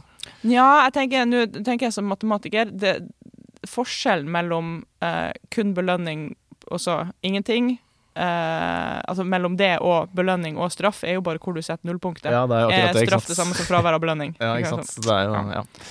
Enig. Uh, nei, jeg vil ikke dit, altså. Jeg vil uh, på ingen måte dit. Eh, Nei, nå bare er jeg akademiker og sier jeg. Det her må vi tenke på. Jeg syns det er interessant, da. Fordi Ja. at vi mennesker, Det er helt utrolig hva vi venner oss til. Det er, vi er tilpasningsdyktige vesener, det er Ja. sant. Men det er bare, hvordan påvirker dette kineserne psykisk, uh, lurer jeg på. Uh, Men hvis de slapper mer av Fordi at Ja, er liksom, det- de, de vet at gjør er- de det? Gjør de det? Ja, Det er vanskelig for oss å si det, men hvis de er Hvis de føler seg ivaretatt Altså Litt som barn føler seg ivaretatt av voksne, og jeg føler meg ivaretatt av politiet i Norge. Så ja. det, det er bare digitalt. Du får en veldig sånn konform eh, befolkning da, som oppfører seg ganske likt. Jeg tror ikke det stimulerer Ja, for det er ikke nordmenn. Eh, Nei, men eh, Nei, men vi er ikke fem millioner mennesker som oppføres på akkurat samme måte. Og, Det er ikke langt unna. Nei, kanskje ikke. Uh... Nei, men jeg bare tenker, Stimulerer det til noe kreativitet og innovasjon? Uh, Ja. Man trenger litt space, da. Litt frihet til å feile ja, for å vokse. Fy faen, Ja. det er nok en T-skjorte. Jeg tror du, Nok en del, så noterer du alle de tingene der? Vet du hva, Det syns jeg faktisk er et kjempegodt poeng. Jeg vet, ja, jeg vet ikke. Den her er ikke ferdigtenkt hos meg. Nei. Og så har jeg bare lyst til å legge til at jeg så klart absolutt ikke støtter overvåkning, og det kineserne gjør mot uigurene, er helt grusomt. Ja, det, uh, det måtte jeg bare legge tvilte jeg til. ikke på at du mente, nei. Um, men, men ja, liksom det her med det må bruke dataene våre til å liksom analysere hva bra vi gjør, og hva som skal til for at vi oppfører oss på en bra måte, og løse problemene våre. da. Mm. Det er jo egentlig det vi vil. Ja. Derfor bruker Google Maps og sånn. Det er greit, Google, du skal få vite nøyaktig hvor jeg er, Mm. imot at du eh, leverer tjenesten som, som jeg trenger for å komme meg frem. Så vi, vi har jo lyst til å gi fra oss data om oss sjøl Ja, i bytte mot en tjeneste. Det gjør vi hele tida. Men kanskje på befolkningsnivå, da, at dataene kan anonymiseres. Og at uh, trenger ikke å vite at det er Inga Strumke som Ja. Fikk du med deg dramaet rundt Smittestopp? Uh, Nei. Først, den første appen som FHI Ja, ja, bestilte, Ja. det ble jo ramaskrik ut av. Ja. Det folk likte jo, eller veldig mange likte jo ikke tanken på at FHI skulle få vite, på, altså anonymisert, da, Mm. hvordan de bevegde seg. Det ble, det ble på for masseovervåkete for mange, og særlig mange IT-utviklere gikk ut og sa det her er omtrent ny holocaust, sånn kan vi ikke ha det. Nei. Eh, og jeg var veldig overraska over hvor sinnssykt sterkt vi reagerte på det. For den appen skulle ikke ha noe som ikke Google, Google Maps Nei. skulle ha. Men likevel så var det noe der. Regjeringa skal liksom samle inn data om hvor vi er, og så Ja, lagre det. Ja, ja. For da er det ikke lenger et tekstselskap, da er det regjeringen som samler inn. Det er kanskje det folk reagerte på, da. At det er på en eller annen måte eklere. At det er myndighetene som uh, Ja. veit hvor, hvordan vi beveger oss. Jeg vet ikke. Men samtidig, jeg, jeg, tror, jeg tror du har rett, men samtidig så betaler jo Altså regjeringa er jo Det er jo våre folkevalgte, og det er jo de vi betaler skatt til, og Mm. de som har som oppdrag ikke å tjene penger på oss, men å ta vare på oss. Ja, Så, så naivt kunne man jo ha sett for seg at det skulle være motsatt. ja ikke Altså vi har tenkt yeah, endelig data som kommer oss til gode, Ja, ikke ikke gjør sant. noen i USA rikere. Nei, jeg er enig, men det jo Det kan jo være fint med noen prinsipper, da. For nå har vi jo en regjering som vi har høy tillit til, som vi stoler på og, har gode intensjoner. Men eh, la oss si at Norge om 50 år ser ut som Kina, da. Ja. Så er det ikke sikkert at det er like hyggelig å gi fra seg dataene Nei, sant. sånn sett. Vet ikke. Ja. Nei, men det var også et argument som, som gikk igjen, da. Ja, vi har tillit nå, men tillit skal ikke være nødvendig. Nei. Og, og, og, så ble, um, og så ble det jo også kalt whataboutisme, da. Å si Mm. bare det, Å trekke frem f.eks. Google, da. Å si bare for at du gjør dumme valg overfor Google og Pokémon GO, Mm. betyr ikke at vi må gjøre dårlige valg her hjemme òg. Men, men det her med hvem skal få lov å ha dataene våre til å gjøre hva, hvor lenge skal de lagres osv., Ja. det er jeg overraska over at vi ikke har en bredere samfunnsdebatt om. Tror det er veldig Ja. mange som ikke engang har gjort seg opp en mening om Nei, det det. er akkurat det. Det blir bare litt sånn ja, ja, jeg samtykker, OK, få nå se den nettsida. Ja. Det er liksom de valgene vi tar, da. Men Ja. liksom de store, overordna valgene som faktisk blir å bestemme hvordan samfunnet utvikler seg, Mm. de bare tar vi ikke. Nei. Vi har ikke noen digitaliseringsminister lenger. Liksom, det virker som Yes, ingen, ingen bestemmer det her. Det bare tusler og går. Liksom, og Takk og pris for at vi har EU som skriver Ja. personvernforordningen jo da. Ja, ja. Men her i Norge syns jeg vi er litt rart sånn Ja, det er kanskje det. Men da er det innovasjon som går såpass fort at det er ingen som egentlig skjønner hvordan ting henger sammen. Og så uh, bare lar vi det ligge, liksom. Skyver under skuffen. Eller vi lar det fly. går- Lar det fly. Ja. det går, for det går jo dritfort. ja, ikke sant. Ja. Jeg, jeg, tror, jeg tror det er det, ja, at vi, vi rekker ikke å liksom trykke på bremsen, og vi har ikke lyst, lyst til å trykke på bremsen fordi utvikling er bra. Ja. Eh, men så har vi ikke liksom helt oversikt. Vent litt, hva er konsekvensene av Ja. det her? Liksom. Det, ja, det tror jeg vi reflekterer lite over håper jeg, i plenum. Så det er EU som trekker i håndbrekket her, da. Og Absolutt. med dette GDPR eh, eh, Ja. Og der er det en ny faktisk uh, regulering av kunstig intelligens spesifikt på trappene. Okay. Det er en lov som er foreslått om ja, skal, skal kunstig intelligens spesifikt reguleres. da? For per i dag finnes det ingen reguleringer for eller mot eller om kunstig intelligens. Men der er det en, eh, ja, en, en skisse på plass. Bra. Ja, jeg syns det. Vil du si at deepfake eh, er det kunstig, intelligens? Man Ja, ja. bruker, ja, ja. Det er maskinlæring, ja. Det er maskinlæring, selvfølgelig er det det. Ja. Sant? Så klart, alt er Eh, maskinlæring. Hallo. Alt er maskinlæring. Alt er kunstig intelligens. Velkommen til 2022. Har du sett den der Tom Cruise TikTok-kontoen? Eh, Det er en egen sånn deepfake Tom Cruise-konto. Å ja, TikTok har du. Jeg har faktisk ikke TikTok, jeg har det på jobben. Så Oi, okay. slår litt. Men du ser den på Instagram og på Reels. Dukker den opp noen ganger? Ja. Eh, Nå har jeg sletta Insta, bare ja, nevnte jeg seg. Men eh, den, eh, den har blitt så realistisk nå at eh, jeg sliter med å se at det ikke er ekte. Nå vet jeg at Tom Cruise er jo eldre nå, han nærmer seg vel 60 eller sånt. Så dette er en 40-årig Tom Cruise, da. Som bare lever evig på TikTok. som lever Men det er så inn i helvetes realistisk. Det er, eh, Hvis jeg hadde sett det for første gang, så tror jeg hadde tenkt at yes, shit, det er et gammelt opptak av Tom Cruise, liksom. Ja. Så bra er det blitt. Ja. Og stemmen er også helt, eh, helt autentisk, helt lik. Ja. Eh, Og det, det som er kult med deepfakes, da, det er at Husker du før da vi photoshoppa? Uh, fikk det til å se ut som vi var i Alpene i stedet for på eh, ja, ja. eh, soverommet. Si. Det kalles nå cheapfakes. Kalles hva? cheapfakes. Altså Cheap fakes. Ja. billige fakes. Billige fakes. Ja, eh, som kontrast til deepfakes. Ja. For der kan du gå inn på et bilde og se her har det vært klippet. Her er det på en måte en sånn, en Ja. sånn, et sånn snitt, da, der et gammelt eh, bilde begynner og et nytt bilde starter. Tingen med deepfakes er at de produseres av eh, nevrale nettverk, da, som er en, en maskinlæringsarkitektur. Um, så det er ingen Du kan ikke gå inn i et bilde og si hm, her er det ekte, og her er det falskt. Altså, fordi hele bildet er generert da, som en Mm. helhet. liksom Nabopikslene passer til hverandre. Og jeg vil si det er det nærmeste vi kommer eh, maskinkreativitet. Mm. Lage deepfakes. Altså kreativ er jo fra eh, creare, altså create. Mm. Så det er ting som maskiner faktisk lager. Mm. Og det finnes masse nettsider som This face doesn't exist, this person doesn't exist, Mm. eller this Faktisk også this bench doesn't exist. Uh, så det er bare masse bilder da av eh, ansikter, eller ja, benker i det tilfellet, som ikke eksisterer, og som en maskin har laga. Um, og det er, altså, det er ikke noe sånn hysterisk komplisert revolusjonerende maskinlæring. Hvis jeg kan lære en maskin at det, det her er ansikt av hunder, så kan jeg også lære den å generere nye ansikter av Mm. hunder på akkurat samme måte. Ja.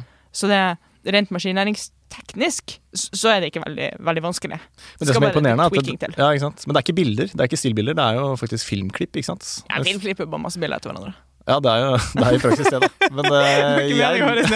Nei, jeg vet hva en doktorgrad alt det er, men jeg lot meg imponere. Bare, Ja. Nei, det, det er imponerende når vi ser liksom produktet, at det er så ja. At, at det lurer oss mennesker. Men det er jo, akkurat det syns jeg kanskje er litt skummelt. For det, vi har jo da teknologien i dag til uh, Hvis jeg hadde drevet med det Jeg kunne lagd en uh, Inga deepfake som hadde sett helt realistisk ut. Og hørtes ut som Og meg, og fått, ut som deg. fått å si hva som helst. ja, hva som helst, ikke sant. Uh, og vi er jo Teknologien i dag fins jo. Uh, så si om hvordan ser det her ut om 30 år, da? Enda bedre. Ja ja, men det kan jo misbrukes, da. Og det kommer jo til å bli misbrukt. Så da kommer vi kanskje til å leve i et samfunn der vi ikke kan stole på noen ting, ikke sant. Så må vi Der er vi allerede.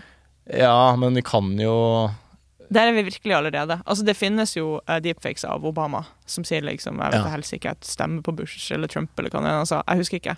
Det, det finnes. Ja.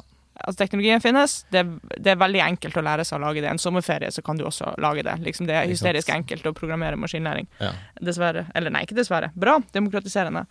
Uh, men jeg tror faktisk at vi var mer redd for det da vi innså uh, potensialet i det, enn vi har hatt grunn til å være. Eh, ja, jeg forstår ikke hvorfor ikke internett har knekt sammen, men jeg tror at man må være tilbøyelig til å tro på falske nyheter, Mm. eller, eller innholdet i falske nyheter, Ja. for å faktisk tro på dem. Mm. Fordi at hvis, altså hvis jeg nå ser et filmklipp av liksom eh, Jonas Gahr Støre som liksom trekker seg som statsminister, så hadde jeg tenkt Jesus Christ, hadde jeg gått på NRK, og så hadde det vist seg at det var falskt. Ikke sant? Så hvis Mm. Ja. jeg ikke forventer nyheten, så, så skal det veldig mye til for å overbevise meg. Og jeg vet jo at jeg lever i en verden der det finnes deepfakes. Ja, ikke sant. Så jeg tror faktisk ikke at deepfakes er et så stort problem. Jeg tror det har stor underholdningsverdi. Mer enn noe annet. Ok, ja. Nei, jeg gikk rett til dystopien jeg, så for meg liksom at uh, Endelig en plass der jeg ikke var den mest negative. Er det ikke deilig av og til å være den som løfter opp? Ja, en blomst. Eh, Nei, ok, men det er godt å vite. Altså, det er du som er eksperten her, så når du sier det, så må jeg bare stole på det. Men, Altså, jeg er ikke ekspert på medier, da. Det her var min spekulasjon. Ja, ja, nei. Men- Men, eh, men når det blir så realistisk etter hvert at det faktisk er umulig eh, å se forskjell For nå er det jo et eller annet Det er noe som er litt off, kanskje, foreløpig. Eh, Mm. Men la oss si om åtte-ti år da, at det er helt presist spot on. Ja. Da må man kanskje utvikle noe teknologi som kan avsløre det. Ja. Altså to ting der. Det ene er at jeg tror vi kommer til å dessverre havne der der man ikke lenger kan bruke video som eh, bevis i rettssaker. Ja. Så kanskje vi kommer til å ende opp med å ikke kunne stole på digitale bevis i det hele tatt, fordi at Ja. alt kan bare skapes. mm. Um, angående å lage uh, det, er litt, det er litt artig at måten å detektere uh, deepfakes på, det er også med maskinlæring. Ja, ikke sant? Ja. altså det som oppstår, det er et lite kappløp. Altså det er et lite våpenkappløp. Ja. Altså Maskiner blir flere, flinkere til å lage fakes, og så må de konkurrerende maskinene bli flinkere til å avsløre dem. Så da må de andre bli enda flinkere til å lage fakes. Så da må Ja. vi forrige bli flinkere til å avsløre. Og sånn, sånn er det et lite våpenkappløp. Og så tror jeg at vi bare kommer til å ende opp med så realistiske bilder at det ikke går an å avsløre. Ha. Fordi at helt ekte bilder er jo også laga. De er Ja. laga med et kamera, men de er likevel laga. Så å lage helt realistiske bilder er mulig. Vi må bare finne teknikken for å gjøre det. Kan være vi lever i en simulering allerede, hva tror du? At vi gjør, ja! Ja, du, Åpenbart. Hallo! Hallo. Do some research. Ja, du som Jeg tror du på det? At vi lever i en simulering? Ja. Vet ikke, jeg liker å tro det. Ja. Det er min eh, Jeg vet Jeg tok på meg det, den meninga at vi lever i en simulering for litt over to år siden, Ja. på F. Eh, men nå har jeg liksom Det er vanskelig å argumentere imot det er akkurat. Jeg klarer ikke å argumentere imot lenger. Nei. Og jeg, har, jeg leter etter argument for, og jeg har så Ja. sinnssykt mange argument for. Ikke sant? At det, det er en ny episode, jeg kødder ikke. Det er en bok jeg skal skrive. Ja, ja. Jeg er overbevist nå om at vi lever i en simulering. Men hva er da poenget med nok en virtuell virkelighet, hvis vi allerede lever i en virtuell virkelighet? ikke sant? Det Å, ja, meta- Zuckerberg feiler, ikke sant? Kommer til å bli tidenes fiasko. Vi lever jo i en simulering allerede. Vi gjør jo det! Trenger ikke nok en.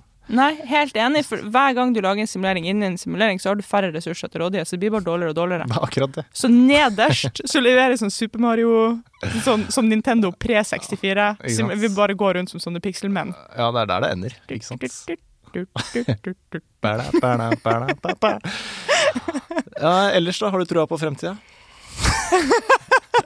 sånn. Eller, eh, ja, vi lever jo i en spennende tid, da. Ja. Hvordan skal det gå når klimaendringen liksom tar helt over? Kommer kjøttindustrien til å Ja, overleve? Synes. Ja. Hvor idiot klarer vi å bli? Ja, ja. ja, apropos at vi drar for langt, og så er det for seint, og så må vi redde stumpene, liksom. Men jeg har så sinnssykt trua på dagens unge. Altså, det er helt vanvittig hvor fine mennesker dagens unge er. Ja, de er mer idealistiske. De Altså- er uh... De, de er bare nødt til å de, de må liksom ta mye mer alvor innover seg mye tidligere enn vi måtte. Ja. Og det går utover dem, og jeg syns synd på dem, men jeg tenker at de tar mer ansvar enn vi gjorde. Mm. Og så jobber jeg på et universitet. Jeg har undervist det her semesteret. Jobba sammen med masse fjerdeårsstudenter. Mm. Og noen av dem er bare sånn mye smartere enn jeg er nå.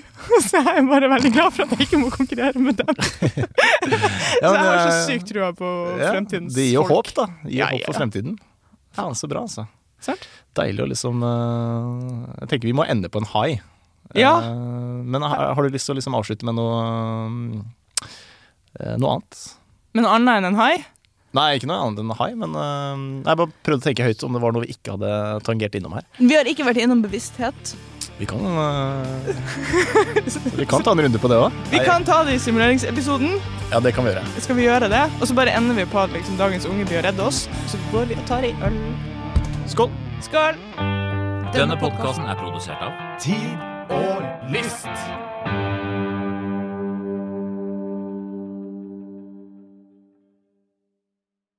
Mamma, hvorfor blinker det lyset på bilen som rødt? Hva betyr det? Å, det er et oransje et også. Og et grønt et. Og et blått et. Når bilen slår seg vrang, er det godt å vite at NAF Senter tilbyr service og reparasjoner med medlemsrabatt. Meld deg inn på naf.no.